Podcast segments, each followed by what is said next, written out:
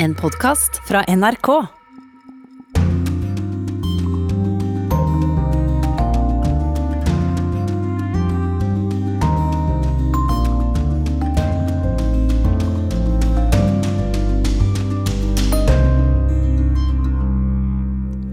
Krigen herjer midt oppi Europas kornkammer. Det fører til høyere matvarepriser, men kan det også føre til økt uro, misnøye og konflikt? Nå er det alvor.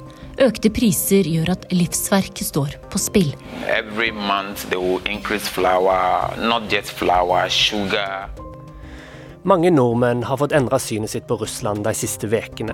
Men hva bringer framtida? Vil vi klare å beholde et vennskap til våre naboer i øst? I Frankrike er det snart valg, og høyresida lå lenge godt an på målingene. Men så ble det krig i Europa, og det har gitt president Macron vind i seilene. Når du er trygt hjemme fra krigen, men krigens brutalitet likevel heimsøker tankene dine, hva gjør du da? Vi skal til ei slott i Wales, der en krigsveteran har funnet seg en ekstraordinær terapi, både for seg sjøl og andre. For slottet deler han med alle som trenger det. It's just nice to be able to help and not expect anything back. Og så skal vi til Kenya, der vi har møtt søppelplukkere som er med på å redde miljøet. Plastavfall er et globalt problem, men søppelplukkerne mener de bør bli sett på som en viktig del av løsninga.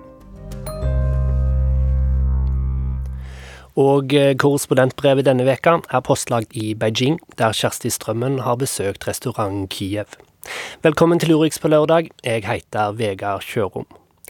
Vi starter i Ukraina, og nærere bestemt, eh, nærere bestemt i Lviv. Der er du kollega Øyvind Nyborg, og hva har skjedd i Ukraina gjennom natta? Her i Lviv så har det vært en rolig natt, men eh, for ca. 20 minutter siden nå så gikk flyalarmen, men så fikk vi akkurat nå, rett eh, før vi skulle på lufta, faren over signalet. Det er jo en økt spenning her også nå etter angrepet på flyplassen i går morges. Så er situasjonen den at det er mange byer i Ukraina nå som nærmest opplever konstante artilleriangrep. I Mariupol så er det jo helt uh, katastrofe. Ca. åtte av ti bygninger i byen er enten jevnet med jorda eller ødelagt nå. Det ligger døde mennesker i, i, gatene med kanskje bare en gardin over seg eller et teppe. Uh, nå sa Zelenskyj i uh, sin tale at 9000 mennesker har klart å komme seg ut de siste døgnene, men det er jo fortsatt rundt 300 000 som er innesperra der. Og de har lite mat, lite drikke, og, og, og, det er ikke noe varme eller elektrisitet. Det er litt krise siden også, det er ganske kaldt der nede. Og, så er det hjerteskjærende å høre folk som um, flykter, fortelle at de, de, møter på landminer. Og så er jo kampen om Kyiv selvfølgelig beinharde. Ja, Som du nevner, så holdt president eh, Volodymyr Zelenskyj en videotale i natt. Hva mer sa han i den talen? Han sa nå at eh, tiden er, direkt, er inne for eh, å ha direkte samtaler. og Det han tenker på, er vel å ha samtaler med, med, med Putin. Men han sa også at områdene som er okkupert eller annektert, da må tilbakeføres til Ukraina. Og så advarte han om at hvis ikke så vil det ta generasjoner før Russland klarer å forsone seg med konsekvensene. Ja, Hva skal til for at slike forhandlinger skal lykkes? Nei, Det har jo kommet nye signaler fra eh, Zelenskyj der han spiller ned ønsket om å bli med i Nato, sier at det ikke er aktuelt eh, nå. Og Det kan jo også hende at han vil gå med på at Ukraina skal bli et slags eh, nøytralt land. Uh, og de er jo enige selvfølgelig at uh, de få nynazistiske elementene som finnes i Ukraina, de må jo bekjempes. Men, men det å, å, godta å gi fra seg områder til Russland, eller at Russland fortsatt skal ha en klam hånd over landet, det er uh, helt uh, uaktuelt. Og Det kommer jo også signaler fra Russland om at de også ønsker videre samtaler. men nå kommer det fra den britiske utenriksministeren i morges at uh, de sier at Russland bruker disse samtalene som pågår, for å tåkelegge bombingen av ukrainske uh, byer, og også tåkelegge mulige krigsforbrytelser. Takk skal du ha, Øyvind Nyborg, som altså, altså er i Lviv i Vest-Ukraina.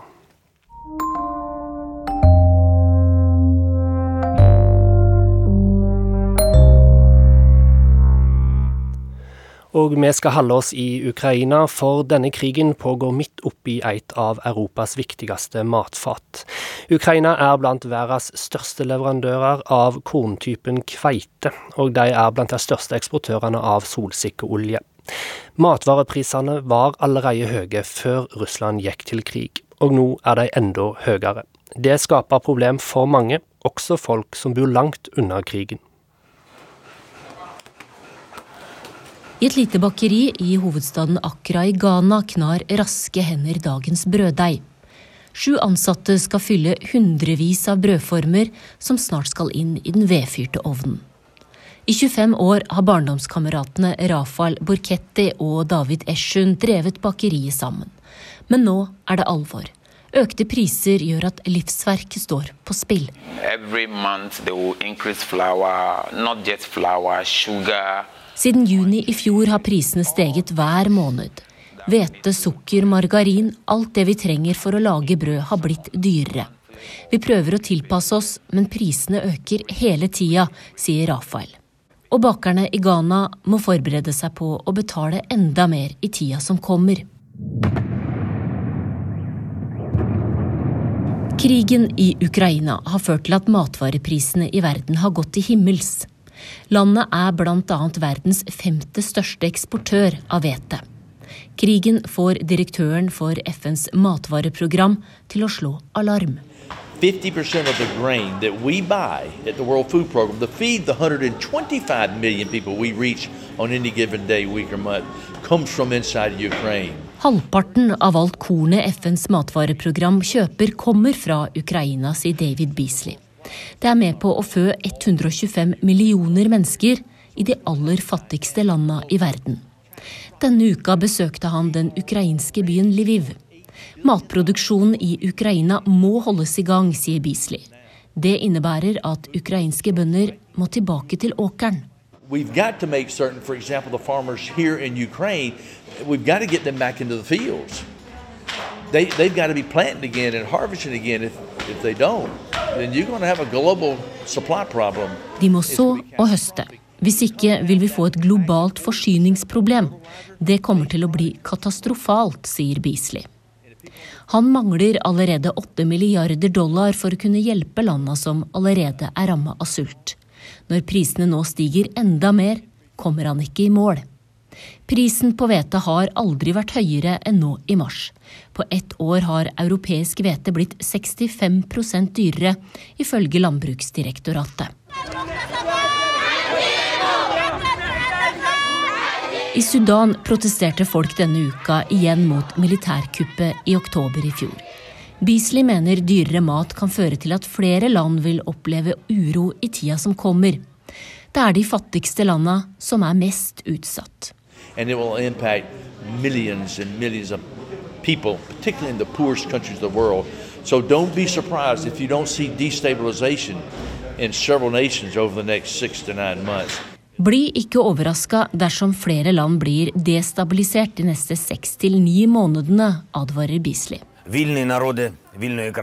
Dette er den ukrainske presidenten Volodymyr Zelenskyj.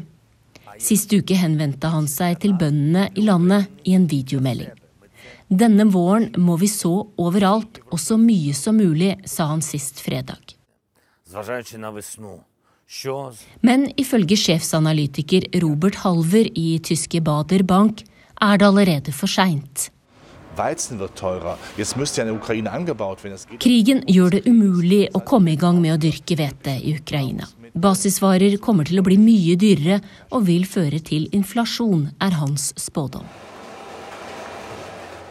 Tilbake i bakeriet Akra skal nystekte brød kjøres ut til trofaste kunder. De to barndomskameratene håper å holde livsverket gående sjøl om prisene stiger. Når det blir dyrere, fører det til at brødene vi baker ikke kan være like store som før. Det liker ikke kundene våre, sier David Eshun. Bakeriet har vært hele arbeidslivet hans. Hvis de ikke kommer over denne kneika, veit han ikke hva han skal gjøre.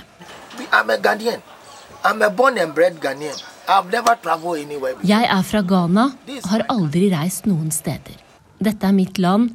Hvis jeg ikke klarer å få det til å gå rundt i mitt eget land, hvor skal jeg dra da? Country, then where am I going to make it? Where? Det var kollega Kari Skeie som her fortalte om hvordan høye matvarepriser skaper uro.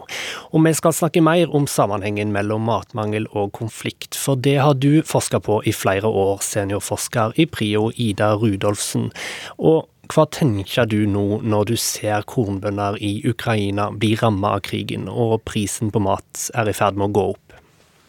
Jo, um, jeg liker å mane, mane, til ro, men akkurat nå så ser ikke det så veldig bra ut. Um, I 2020 så var det rundt 800 millioner mennesker som ble definert som sultne. Um, det så lenge bra ut, men trenden snudde og forverra seg etter 2014 pga. økonomisk nedgangstid, klimaendringer og væpna konflikt, og nå til slutt også covid-19. Men dette estimatet var altså før Russland sin invasjon av Ukraina. Så siden begge land som vi hørte her, er viktige eksportører av energi og mat globalt, så er ikke det usannsynlig at vi kommer til å få ei bensin- og matpriskrise. Ja, og vi hører at Verdens matvareprogram, de som skal sikre mat til folk som svelter, advarer mot det som kan komme. Eh, og allerede før Ukraina-krigen så var det stor mangel på mat i land som Syria og Jemen. Hva bør vi forberede oss på framover? Ja, vi ser ikke helt konturene av dette, dette sjokket enda, men matvareprisene er på sitt høgste noen gang siden FN starta å registrere trender i 1960. Og det er klart det truer millioner av mennesker på verdensbasis. og Økende matvarepriser fører til et strammere husholdningsbudsjett, der folk må prioritere stadig hardere. Og vi har sett at det kan føre til misnøye blant folk som igjen kan føre til ulike former for mobilisering. Gjerne om matprissjokket er kombinert med dypere politiske og sosioøkonomiske problem. Og mat er jo en spesiell vare i den forstand at det, de fleste er avhengige av markedet for tilgang på mat, og mat er, er stort sett noe en ikke kan la være å kjøpe. Sant? Det er noe en må ha. Så vi forbrukere merker også derfor lett endringer i prisen på mat. Og i fattige land merker en spesielt godt at maten blir dyrere, for der er det i utgangspunktet en stor del av utgiftene. Ja, og er det dermed grunn til å vente økende uro og demonstrasjoner i de fattigste landene i verden? Ja, det er et litt sammensatt bilde, for det er sjelden at det er de som er på randen av svolt, som deltar i protester eller konflikt over mat. De, de har ofte mer enn nok med å sikre sitt neste måltid, sånn som f.eks. vi ser i Jemen nå. Vi ser heller gjerne uro over mat i urbane områder der ikke nødvendigvis mangel på mat er mest prekær, men der befolkninga har mulighet til å mobilisere. det. Så det er vel så god, god grunn til å vente uro i en del land der mange tilhører middelklassen og lever på kanten av fattigdom. Så jeg så f.eks.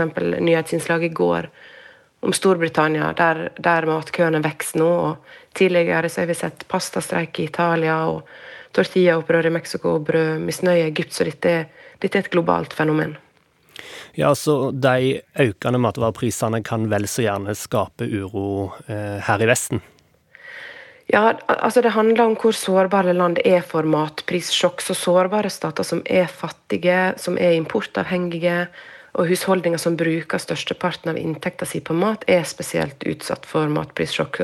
Noen land har jo penger som de kan gi til innbyggere i subsidier om maten blir for dyr. Saudi-Arabia gjorde f.eks. dette i forbindelse med den arabiske våren. Og noen mener at, at det var noe av grunnen til at de unngikk store demonstrasjoner på det tidspunktet. Men men det fordrer jo selvsagt at land har råd og system på plass til å kunne gi slik støtte til innbyggerne sine. Ja, Denne støtta kan den minne litt om det vi nå ser i Norge, der stadig økende misnøye med dyr strøm har fått regjeringa til, til, å gi pengestøtte?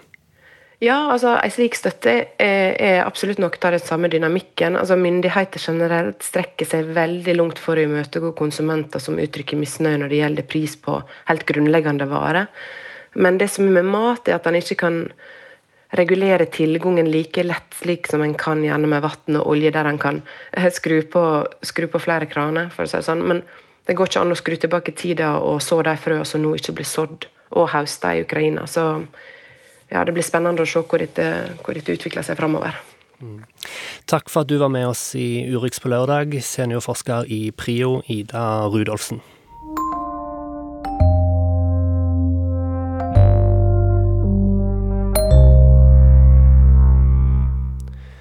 Hvordan har synet vårt på Russland endret seg av krigen i Ukraina? Mange nordmenn har nok fått endra sin oppfatning av nabolandet vårt de siste ukene. Vi skal snart snakke med en som i årevis har jobba for at Norge skal ha et godt vennskap med Russland. Men først tar vi turen ut blant helt vanlige nordmenn, for å høre hva de tenker om Russland. Og vi starter i kafeen på Majorstua seniorsenter i Oslo, der flere har levd så lenge at de vet at Russland og Norge ikke alltid har stått på hver sin side gjennom verdenshistorien. I annen verdenskrig da var Russland vår venn. ikke sant? Stalin og alt det var i orden. Um, og så kommer denne kalde krigen, og så har vi Putin som Det er ikke landet som tenker sånn, det er den personen som bestemmer. Ikke sant? Når det kom første gang at dette kom på banen, så var det mange som sa dette går gjennom dialog. Jeg sa jeg er redd. Jeg stoler ikke på Putin. Putin er en ordentlig røver. Ja. Jeg har opplevd en krig i mitt liv. Jeg trodde aldri jeg skulle oppleve en, en til. For Jeltsin, han var jo en artig skrue, en alkoholiker, men verden var vel ikke så redd han som de er Putin. Vel, jeg er litt redd for fremtiden pga. den muligheten Putin har å bruke atomvåpenet. Ja, det, det, skremmer meg litt. Jeg har ikke lyst til å tenke framover, for jeg er redd. Jeg er virkelig redd. Russland er så uforutsigbar. Men når de begynner å mangle matvarer, så kan jo hende at de snur. Ja, vi hadde et gammelt ordtak i gamle dager var at når krybba er tom, så biter hesten. Og det kan jo skje. Det var litt av praten rundt kafébordet på Majorstua seniorsenter, men også i kantina på Universitetet i Oslo er krigen i Ukraina et samtaletema. Men da blant nordmenn fra en litt annen generasjon, der alle er fødte etter både den kalde krigen og Sovjetunionens fall. Jeg hadde nok ikke trodd at det skulle gå så det gikk, men jeg opplevde nok det annerledes fra i 2014, var det vel, med annekteringen av Krimhalvøya at denne gangen så er det Det bryter liksom mot noen sånn eh, europeiske kjerneverdier. Eh, det som har liksom overrasket mest og endret liksom synet mitt, er mer sånn på verdenspolitikken generelt. Shit, det går an at vi kan ha en krig i Europa, en mellomstatlig krig i Europa i 2022. Frykten for krig eh, og Russland som en militærmakt har jeg nok kjent hakket mer på. Jeg har jo et sånn rart bilde av Russland mest gjennom gammel kultur, eh, egentlig. Kanskje mest endra synet på Putin. Har på en måte tatt ham på alvor, men ikke så på alvor. Putin kanskje rett og slett er litt mer gæren enn det man trodde at han var også? Ja, også mer ko-ko. Den så jeg ikke. Fordi det er jo akkurat det å mobilisere i en verden hvor man har atombomber. Da må man være ganske skrudd oppi der for å gjøre. Er den eneste måten å få slutt på dette at Putin bare At noen kupper makten, revolusjon i Russland, og så ferdig med den råtne på fot-kommunisme-versjonen vi har der nå. Nå er jeg alt fra sånn ja, blir vi okkupert, eller får man avverget situasjonen? Har ikke peiling. Det er vanskelig å ta inn at noe sånt har skjedd, og at vi hører politikerne snakke om vårt samarbeid til Russland og at vi fortsatt har et godt forhold til Russland, det er rart å høre på. Men jeg tror at vi kommer til å fortsette sånn som før. Fordi vi er et så lite land, og altså, hvis vi prøver å vise muskler, hvilke muskler er det vi har? Vi er, vi er jo et lite land som er avhengig av samarbeid, på en måte. Vi hørte statsvitenskapsstudentene ved Universitetet i Oslo snakke om hvor viktig det er å ha et godt forhold til nabolandet Russland, og det er nettopp dette du har via arbeidslivet ditt til Lars Georg Fordal. Du leder Barentssekretariatet, som skal legge til rette for folk-til-folk-samarbeidet i grenseområder mellom Norge og Russland. Og hva tenker du nå om framtida til dette arbeidet? Ja, Folk-til-folk-samarbeid det handler jo om at personer møtes på tvers av grenser. Og normalen har vært 150-200 samarbeidsprosjekt mellom nordmenn og russere hvert år. Altså et titalls internasjonale prosjekt hver måned.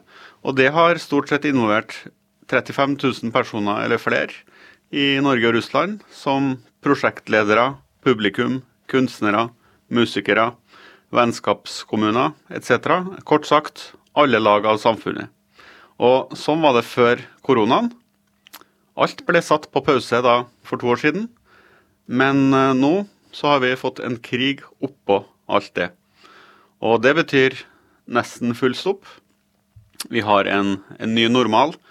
Eh, og der hvor vi hadde før en, en, kø av søknader om samarbeid, så er det nå sånn at vi eh, eh leter etter mulige samarbeidsformer eh, og samarbeidspartnere som kan ha kontakt og kan innlede former for samarbeid per i dag. Men det er svært utfordrende. Akkurat nå er det egentlig satt på is.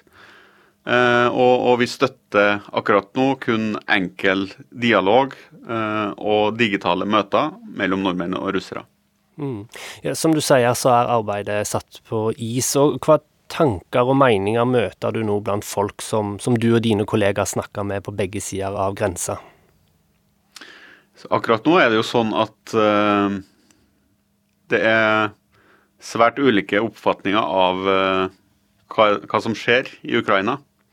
Og det som kanskje er vanskelig å, forstå, er jo at også for svært mange russere så, så oppleves det her som en stor krise. Fordi sivilsamfunnet er i dag svært splitta og polarisert. Samtidig så har det blitt ulovlig å skrive på internett f.eks. at du er mot krig. Det kan du fengsles for. Hvis du går på gata og, og viser fram eh, et blankt ark, det har vi sett eksempler på, så, så kan du få bot. Og på offentlige arbeidsplasser så har eh, ansatte blitt beordra til å gå ut på demonstrasjoner for det de kaller spesialoperasjon i Ukraina. Eh, da er det faktisk sånn at de har fått beskjed om at de får trekk i lønna hvis de ikke går ut og bidrar til å fylle den lokale idrettsplassen eller arrangementet på, på torget. Sånn at uh, det her skaper veldig mange utfordringer i hverdagen for den jevne russer. Uh, og de lever under sanksjoner som da skaper veldig mange praktiske utfordringer med å overføre penger eller kjøpe varer. Eh, og enkelte har nok stor forståelse for hvorfor sanksjonene er innført, mens andre igjen trolig vil bli mer sint på Vesten og kanskje drives i en mer regimetro retning. Men det vi også ser, er at nå er det svært mange russere som forlater Russland. Mm. Nordmenn og russere får nå tilgang på nyhetskjelder som forteller veldig ulike historier om det som skjer. og Hva utfordringer skaper det for et samarbeid på tvers av grensa? Først og fremst så skaper det svært stor splittelse. Eh, Russland har blitt eh, svært isolert på, på ganske kort tid. I tillegg så har det kommet en uh, offisiell nettside den uh, siste uka med, med, russiske kulturaktører som rett og slett uh, listes opp, de som har uttalt seg kritisk til invasjonen i Ukraina. De, de, omtales som, som ja, som ulojal. Og, og, hvis man ser på det sammen med at Russlands president snakka om rensking av samfunnet i en tale uh, denne uka her, så kan man jo stille seg store spørsmål. Hva betyr det? Det er kanskje tidlig å si akkurat nå, men historien har jo nok av skrekkelige eksempler på samfunn som noen sa de skulle renske. Og mange russere er redd, og det er nok sånn at uh, det er større skepsis for å samarbeide med, med utlandet. Mm. Om du skal forsøke å se inn i framtida, tror du vi vil klare å bygge opp av tilliten til Russland i nær framtid, eller er tilliten helt brukt opp nå? Akkurat nå er det en veldig vanskelig tid. Og det er mye tillit som har blitt brutt, og kanskje delvis borte. Men uh, det er fortsatt kontakt mellom en del nordmenn og en del russere.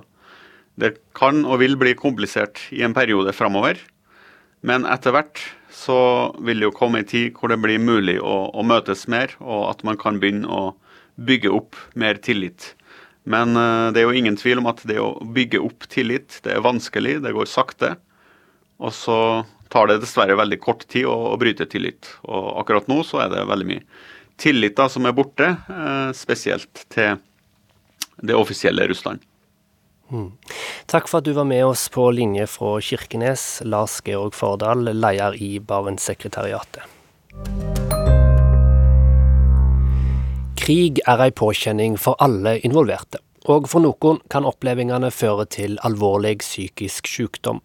Vi skal til Wales og møte en krigsveteran som bygger seg opp fra krigstraumene, og det gjør han, bokstavelig talt, stein for stein.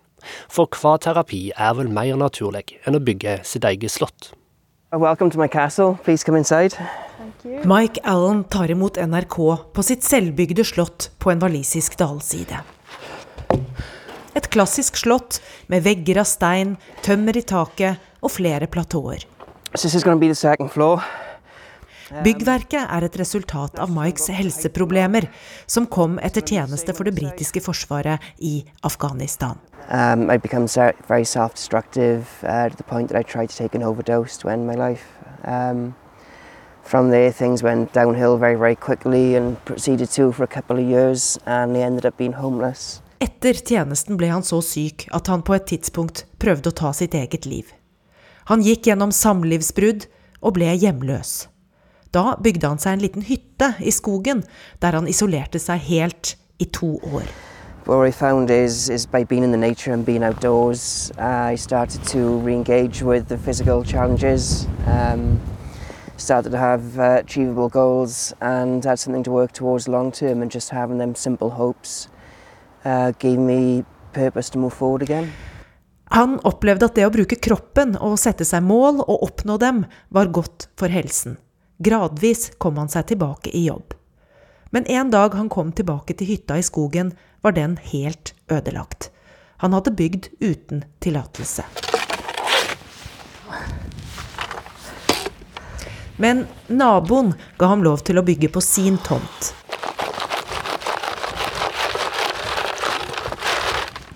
Og nå, tre år senere, er det altså blitt til et helt slott, som Mike Allen stadig bygger videre på. Nå er det en tredje etasje som skal på plass. Han bygger en steinmur, som et puslespill. Han bærer hver eneste stein fra et steinbrudd lenger ned i dalen og opp på høyden der slottet ligger. Han henter tømmerstokker og ved til å fyre med. Og han bygger treningsapparater. Og tilrettelegger for aktiviteter som andre med mentale helseproblemer kan benytte seg av. For Slottet deler han med alle som trenger det. it's just nice to be able to help and not expect anything back. Han syns det er fint å kunne hjelpe de mange som kommer hit.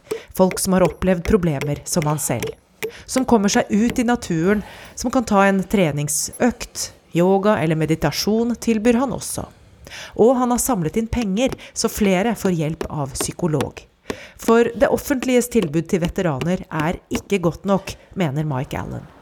Um, I think the country could definitely do more for the veterans. Um, yeah, a lot of veterans have been up here and had chats to me and spoken about the, some of the things that they've gone through, and there are many areas that could have massive improvements in. Han liker ikke å snakke om sin egen helsesituasjon, for problemene har ikke forsvunnet helt. Fortsatt går Mike Allen til behandling, men Slottet gir livet mening.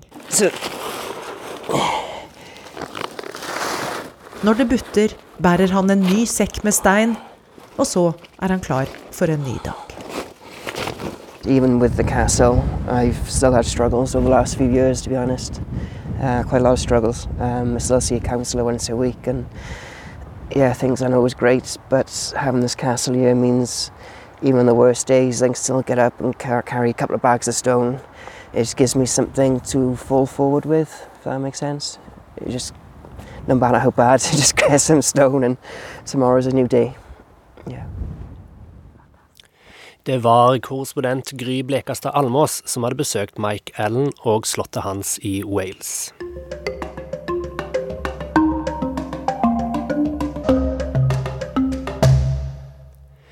Nå er vi nøyde til å snakke litt om søpla vår. Du og jeg kaster søppel hver dag, og en del av det vi kaster, sender vi faktisk ut av landet. Men til slutt så må søppelet ende opp en stad, kanskje i et land langt borte. Og i noen land kan søppelberger bli så store at de blir enorme miljøproblem. Men det finnes ei yrkesgruppe som kan og gjerne vil være løsninga. For det er rundt 70 millioner mennesker som lever av å gå rundt på søppelplasser for å plukke og sortere søppel. Og nå ønsker de å bidra til å løse verdens plastproblem. Vi har besøkt den enorme søppelplassen i Nairobi i Kenya. So welcome to Dandora Dam site. This is the only official uh, final disposal site for uh, the city. Uh, like now was mentioning, we generate about 3,000 tons of waste per day within Nairobi and its environments. Vi er på vei inn på Dandora, den største avfallsplassen i Nairobi. Smått og stort av alle slag, i enorme mengder. Det er lite tiltalende, det lukter ikke godt, det ser ikke bra ut. Små bål med søppel brenner her og der. Bulldosere flytter på de enorme haugene. Søppelplassen er et miljøproblem av dimensjoner. 3000 tonn usortert avfall blir dumpa her hver eneste dag. Rundt halvparten er plast. Uh, plastic waste is a big problem, uh, not just uh, I think for Nairobi, but I think across uh, many cities in the world.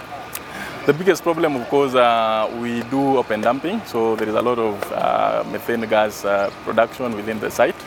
Uh, so that is one of the biggest challenges we are facing. Utslipp av metangass er et av de største problemene her, sier kommunen sin mann Ibrahim Otieno. Fuglene ser ut til å ha gode dager her.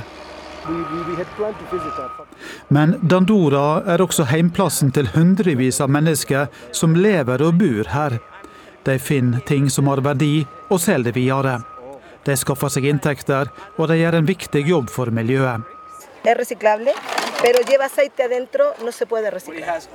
Soledad Mella fra Chile er talsperson for søppelplukkerne sin organisasjon Global Alliance of Waste Pickers.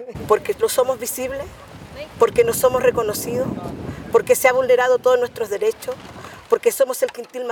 vi er usynlige, vi er lengst nede på rangstigen, sier Soledad Mella.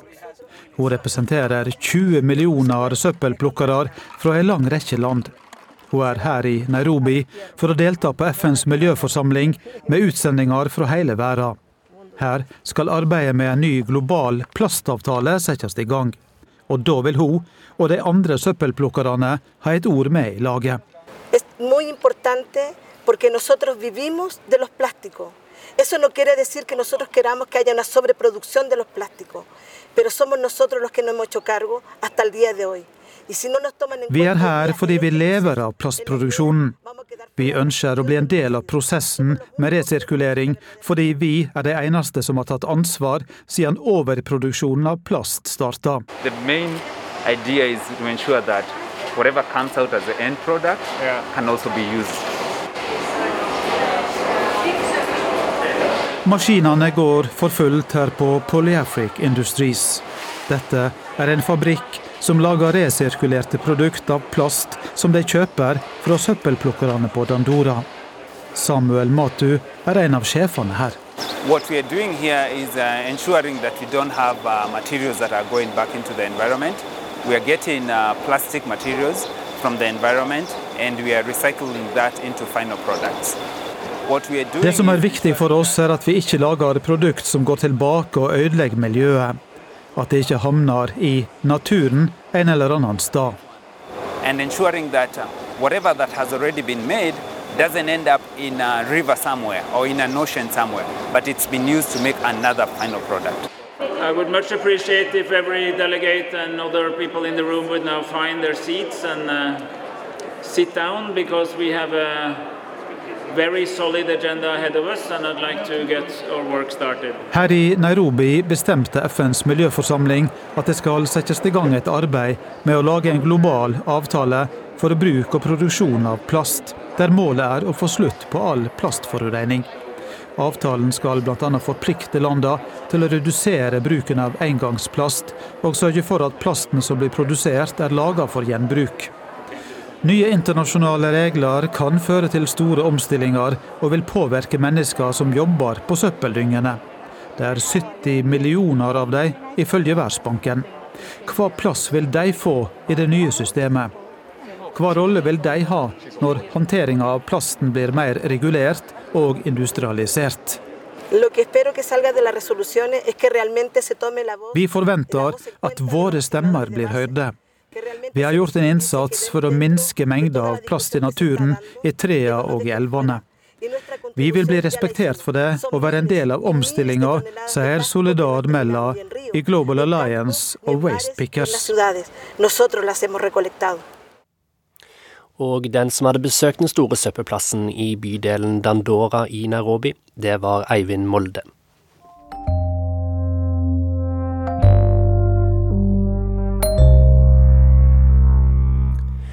Denne veka la Emmanuel Macron endelig fram sitt valgprogram, bare tre veker før franskmennene skal gå til valg.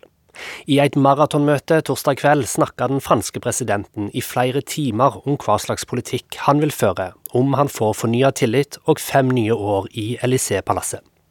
Compte de nous aurons dans les 12-18 mois qui viennent des crises alimentaires profondes, en particulier dans les pays très dépendants de l'Ukraine et de la Russie. På valgmøtet kom presidenten raskt inn på den krisen Europa er i nå, og han sa han vil gjøre Frankrike mer selvforsynt, blant annet med å satse mer på atomkraft og ved å sette inn store investeringer i landbruket. Det er også blitt lagt merke til at han ønsker å heve pensjonsalderen til 65 år, et forslag de franske fagforeningene neppe kommer til å ta godt imot. De siste månedene har kandidatene som stiller til valg, presentert seg én etter én. Som for eksempel Marine Le Pen, som møtte Macron til annen runde ved forrige presidentvalg. Og Eric Zemmour Journalisten fra det ytre høyre, som har dannet sitt eget parti. Til sammen er de tolv håpefulle presidentkandidater. Og to av dem skal nok videre til en annen valgrunde, slik det pleier å gå, for det er ingen som regner med at én av dem vil få så stor oppslutning at det holder med én valgomgang den 10. april. Hittil har meningsmålingene vist en klar ledelse til den sittende presidenten, en posisjon som bare er blitt styrket den siste tiden. Man trodde lenge at temaer som kjøpekraft og koronapandemi ville komme til å dominere denne valgkampen. Men så gikk Russland til angrep på Ukraina. France Info, les informés, édition spéciale.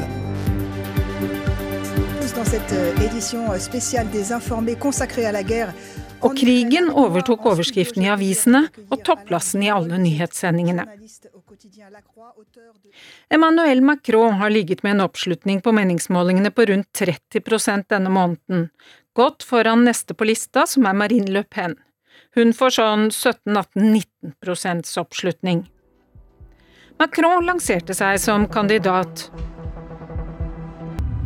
Les dernières semaines, les derniers jours, les dernières heures ont été marquées par euh, l'évolution de la guerre en Ukraine. Et donc j'ai dû euh, ce matin euh, parler au président Poutine longuement, puis au président Zelenskyj. Dagen før fristen gikk ut.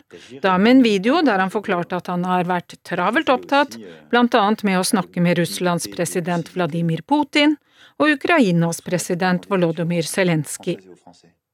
Kritikerne mente at han har utnyttet presidentembetet til å styrke sin egen posisjon, og at han prøver å presentere seg selv som en viktig verdensleder. Emmanuel Macron qui écrase la concurrence, vous vous appelez ça l'effet drapeau.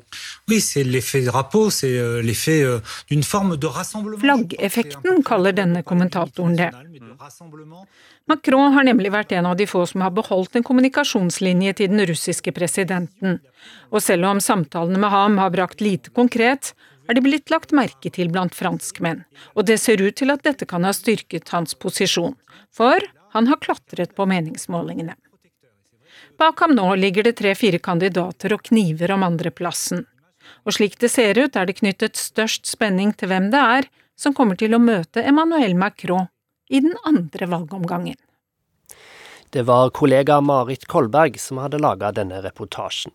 Og europakorrespondent Simen Ekan, du følger med på dette valget. Og først av alt, hvem ligger best an akkurat nå til å bli Emmanuel Macron sin motstander i andre runde?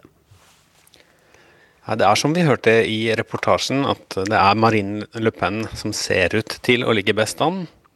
Rundt 17% kanskje, mens, mens de andre tre kandidatene som har en sjanse, de ligger på rundt 10-11% Så vi kan altså se en, en slags repetisjon eh, av valget forrige gang, der Emmanuel Macron for første gang ble president og, og slo Marine Le Pen i den andre omgangen. Mm. Vi hørte lyd fra det lange møtet på torsdag, der president Macron la fram valgprogrammet sitt, og på det måtet hadde du møtt opp. Du trodde det skulle vare i to timer, men ble sittende og lytte til Macron i over fire timer. Hva inntrykk satt du igjen med etterpå? ja, det var jo eh, først og fremst eh, jeg, som jeg tror de andre journalistene som var til stede etter fire timer og ti minutter, så var vi ganske slitne. Det interessante var jo at Emmanuel Macron så ut som han bare ble mer og mer energisk etter hvert som denne eh, monsterseansen fortsatte. Det var nok også litt av eh, meningen, dels fordi han har blitt kritisert for å ikke delta nok i en valgkamp, som vi hørte. Mange mener at han har eh, gjemt seg bak både pandemi og krig for å eh, trekke seg litt unna og, heve seg over det ordskiftet som de andre kandidatene eh, får surre med på egen hånd. Men nå valgte han da altså å først holde en og en halv times tale, og så svare på spørsmål i, i to og en halv time. Så eh, det var vel også for å gi et inntrykk av en energisk president. En president som ikke blir sliten. En president som gjør alt han kan for å eh, stå opp for uh, Frankrike i verden. Og hvis det var målet, så, så var jo det uh, en nokså suksessfull strategi, i alle fall på denne seansen. Man får jo virkelig inntrykk av at dette er en mann med et ekstra batteri. Ja, for han har jo grunn til å være sliten. Det har vært flere runder med misnøye blant franskmenn de siste åra. De gule vestene og vaksinemotstandere har arrangert mange demonstrasjoner. Likevel ligger altså Macron best an på målingene. Hvordan klarer han det med all den misnøya som har vært? Det er noen forklaringer på det. Det ene er nok at selv om det er veldig mange franskmenn som virkelig ikke liker Macron, og da mener jeg ordentlig misliker Jeg var på et valgmøte eh, i eh, en tradisjonell eh, venstre bydel i, Paris i går, sammen med Macrons valgkampapparat som delte ut løpesedler. Og da var noen så sinte at de rev i stykker løpesedlene idet de fikk den, skrek at denne mannen må vekk, han må vekk. Så han vekk vekker voldsomt, et voldsomt sinne blant noen. Eh, men så er det også ganske mange som mener at han eh, gjør en god jobb. Og selv om han ikke er noen elsket president, så er han respektert eh, av ganske mange. Så det er én grunn. Og den andre grunnen er jo rett og slett at de andre kandidatene ikke har vist seg å være sterke nok. Man lurte lenge på f.eks. hvordan den tradisjonelle høyresiden skulle finne en kandidat som kunne utfordre ham. En arvtaker kanskje da til Nicolas Sarkozy, som, som jo har vært president eh, for høyresiden tidligere, men, men ingen av de eh, som stiller, eh, har vist seg eh, å, å, være sterke nok. Og så er det, som vi hørte også, dette med eh, krig og krise. så er det sånn som det har vært i mange andre land, i mange andre valg, at en del velgere eh, velger det trygge i en sånn situasjon, og at man opplever at Emmanuel Macron tross alt representerer en form for trygghet og kontinuitet som mange foretrekker når det er så mye annet ellers som er så fryktelig usikkert. Mm.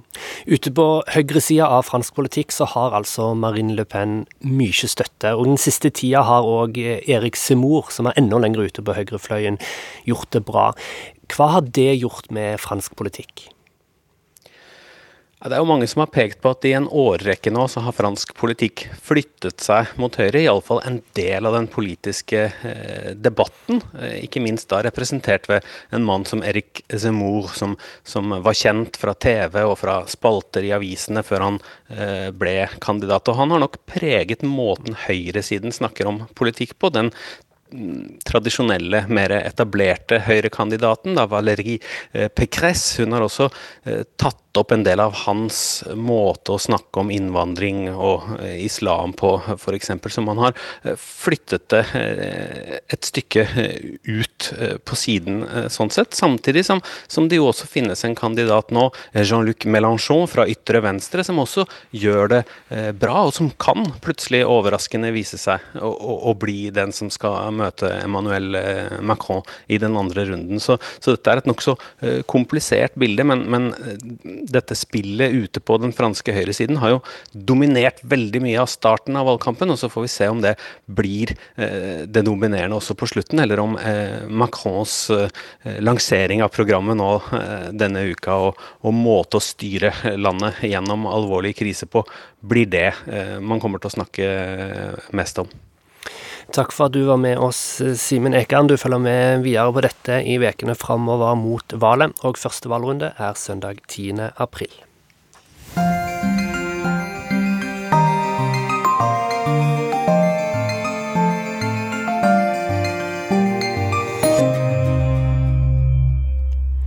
Nå skal vi besøke Kiev. Men det er ikke snakk om hovedstaden i Ukraina. Vi skal til restaurant Kiev i Beijing, der korrespondentbrevet er postlagd denne veka. Kjersti Strømmen ville forstå mer om hva kineserne tenker om krigen i Ukraina, så hun besøkte restauranten, som har blitt et reisemål for kinesere som støtter Ukraina. Vest i Beijing ligger den vestlige restauranten Kiev, oppkalla etter den ukrainske hovedstaden. Restauranten skal ha fått et oppsving pga. krigen i Ukraina. Kinesere som er kritiske til Russlands offensiv mot naboland i vest, kommer hit. De legger ut innlegg på sosiale medium med bilde av seg sjøl over et måltid på restauranten. Kiev ligger gjemt inni ei sidegate i et bostadsområde og er ikke så lett å få øye på. Den vesle bygningen i tre er skvisa inn mellom langt høyere hus i betong. Jeg går inn døra og ser trappa som fører ned i kjelleren. Langs trappa hengde rader med portrett av kvinner og menn som smiler mot meg. Ifølge teksten er de ukrainske sangere. Restauranten er overraskende stor, og denne dagen er den halvfull til lunsj. Min kollega og jeg slår oss ned på et bord og får straks besøk av en servitør med skjorteermer og krage brodert i ukrainsk mønster. Han svarer ivrig vekk på hva som er de mest populære rettene, Kiev er den eneste restauranten i Beijing som serverer ukrainsk mat, men noen av rettene er tyske og russiske. På nabobordet sitter ei ung kvinne sammen med sine foreldre. De har allerede fått maten sin servert, og jeg spør hva de har bestilt. Hun anbefaler suppa borsj, brød med smelta ost inni og ei lita kjøttgryte. Vi gjør som de. Kvinna har store, milde øyne og er lett å prate med. Hun forteller at de kommer for maten, men mest for å vise sympati med ukrainerne i andre land ville en kanskje demonstrert, men det lar seg ikke gjøre i Kina, sier hun. 30-åringen forteller at hun er imot krigen, men at hun ikke skriver om det på sosiale medium. Det blir så lett oppheta diskusjoner der, og de sterkeste røystene er prorussiske. Dessuten er det ikke så lett å vite hva som er innafor å si om situasjonen her nå. En må vakte seg for ikke å trå feil. Temaet Ukraina er spesielt vanskelig. Dagen før statsskuddet gikk for vinter-OL i Beijing, tok president Xi Jinping og Russlands president Vladimir Putin hverandre i hendene og sa til verden at deres samarbeid ikke har noen grenser. Rett etter OL så det ut som om Kina ble tatt på senga av Putins offensiv mot Ukraina, og det er her den vanskelige balansegangen begynner. Kina insisterer på at alle land sin territoriale integritet må bli respektert, og at det også gjelder Ukraina. Samtidig vil Kina ikke kalle det russiske åtaket på nabolandet for en invasjon. Kina vil heller ikke bli med på sanksjoner mot Russland, og insisterer på sin rett til å ha en selvstendig utenrikspolitikk. Alle parter må hjelpe Russland og Ukraina til fredssamtaler og ikke koke opp under situasjonen, heter det. Det siste er en budskap til Nato med USA i spissen. Avisa Global Times hadde nylig en tegning av onkel Sam som heller bensin på bålet medan han spør hvorfor Kina ikke gjør mer for å slokke brannen. For mange i Kina er det lett å forstå at Russland har kjent seg truga og provosert av Natos utviding østover. Derfor har en talsmann fra kinesisk UD sagt at den som har hengt bjølla på tigeren, er den rette til å ta den av. Da jeg nylig spurte pensjonister i parken om deres perspektiv på situasjonen i Ukraina, kom pekefingrene fram. De kjefta på USA, mente at alt var amerikanerne sin feil, og hevder at Europa bare dilter etter. Det rådende kinesiske perspektivet på ei løsning er at Nato tar ansvar og ikke lar Russlands naboer bli medlem. Ukraina må bli nøytralt. Familien på nabobordet forteller at de følger nøye med på nyhetene om dagen. Faren er spesielt ivrig. Han sier at Kina ikke har noe annet valg enn å insistere på sin nøytralitet. På den ene sida er Kina avhengig av åpne dører til Vesten, men når landet blir utsatt for press, er Russland en viktig støttespiller, sier han. Dattera forteller at det meste er folk som snakker og analyserer på nyhetene. De får ikke så mange bilder av hva som faktisk hender på bakken. Kinesiske statlige medium skal dessuten ha fått ordre fra oven om at de ikke skal kritisere Russland. Folk som bor i Hongkong og Guangdong får en rapporter fra den eneste kinesiske krigsreporteren som er i Ukraina.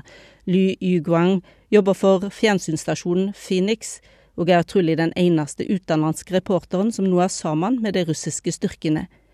Dette blir tolka som et tegn på det nære samarbeidet mellom Russland og Kina, men andre mener at det heller er hans personlige kontakter som har ført han dit. Ly har nemlig vært i felt før. En russisk spesialsoldat skal ha redda reporteren fra å miste livet i krigen i Tsjetsjenia i 1994. Soldaten døde som et resultat av redningsaksjonen, og Ly gjorde som han da lova, å gifte seg med den russiske enka. Hans rapporter fra Ukraina er blitt kritisert av folk som mener at han sprer falske nyheter for Russland, men også motsatt. Da han intervjua en person i Mariupol som sa han var glad fordi russerne endelig kom, var Ly skeptisk til at mannen kunne være så glad når han hadde gjemt seg i en kjeller i lang tid. Da kom de kinesiske nettrollene på banen og kritiserte han for ikke å ta intervjuobjektet på ordet. En annen kineser som ikke er journalist, men som rapporterer om krigen på sosiale medium, er i byen Odessa. Kina forsto ikke at landet måtte evakuere sine 6000 borgere i Ukraina før krigen var i full gang, men har nå endelig fått nesten alle ut. Dataprogrammereren Wang Jixian har sjøl valgt å bli igjen. Fram til i går la han ut videoer på kinesiske sosiale medium der han forteller ei råere historie om krigen enn hans landsmenn får servert på statlige medium. Han filmer når flyalarmen går og forteller hvordan folk mobiliserer og tar seg inn igjen. Han viser at det faktisk er krig, men han går også på kafé og forteller om naboen som våger seg ut med hunden. Flere hundre tusen skal ha sett hans innlegg, men nå er det slutt. Alle hans kinesiske konti er blitt sperra av kinesisk sensur, og med det all kontakten hans med familie og venner. Jeg er bare en vanlig borger, en programmerer. Jeg er ikke stridende, jeg er ikke en spion, protesterer Wang. Nå legger han sine videoer ut på YouTube og klandrer kinesiske styresmakter. Er det like redde som Putin om at folk skal få vite for mye av sanninga, redde for at de skal våkne, begynne å tenke sjøl og ikke lenger høre på løgner? Innerst i restauranten Kiev er en gjeng pensjonister ferdige med sitt måltid, og jeg går bort til deres bord. De forteller at de kommer for maten, er stamgjester, og har hatt stor glede av dansebanda som var her før. Det er nemlig denne kundegruppa restauranten egentlig har satsa på. På 1950- og 1960-tallet boltra kineserne seg nemlig i sovjetisk kultur, og denne nostalgien er høgst levende den dag i dag. På restauranten Kyiv har ukrainske danseband vært trekkplasteret. De har marsjert inn på scenen i militære uniformer og fått stor applaus for sovjetiske slagere. Nå er det ingen på scenen. De fleste utlendingene i Kina har for lengst reist hjem av pandemien. Jeg spør kvinner på nabobordet vårt om foreldra hennes kanskje har mer forståing for Russland enn det hun har, men da ler hun. Nei, det er ingen i denne familien som har sympati for det Russland driver med nå. Kvinna sier at jeg gjerne må skrive hjem om det hun sier, for hun vil at verden skal vite at det finnes kinesere som er opprørt over den russiske offensiven, men hun vil ikke stå fram med navn og bilde. Før familien går, forteller jeg henne at jeg nettopp har fått vite av servitøren at restauranten bare er eid av kinesere, det er ingen ukrainere involvert. Hun blir forbløffa.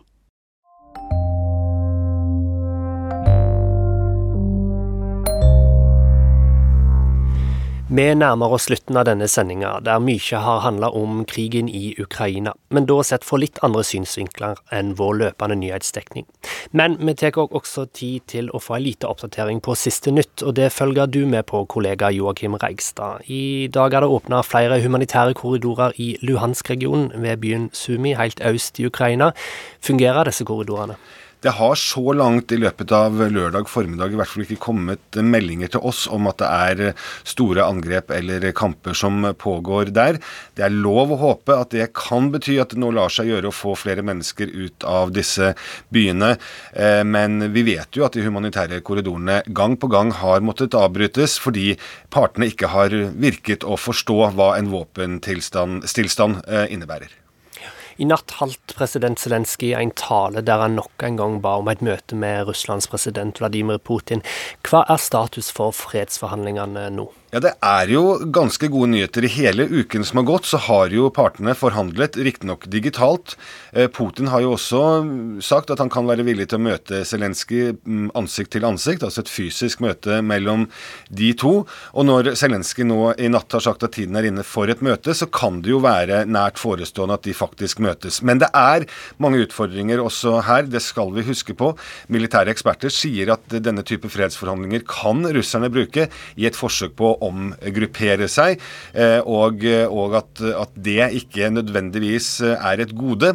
I tillegg så vet vi også at Putin overfor uh, Tyrkias president kom med syv krav som måtte innfris dersom han skulle gå med på en fredsavtale. Krav som bl.a. handler om de opprørskontrollerte områdene i sørøst i Ukraina og på Krim. Der er det veldig mye som fortsatt er ganske usikkert. Takk for den oppdateringa, Joakim Reigstad. Nå er vi kommet til veis ende i Urix på lørdag denne veka. Teknisk ansvarlig den, det hadde Eli Kyrkjebø. Produsent var Arild Svalbjørg, og jeg heter Vegard Kjørom. Du har hørt en podkast fra NRK. Hør flere podkaster og din NRK-kanal i appen NRK Radio.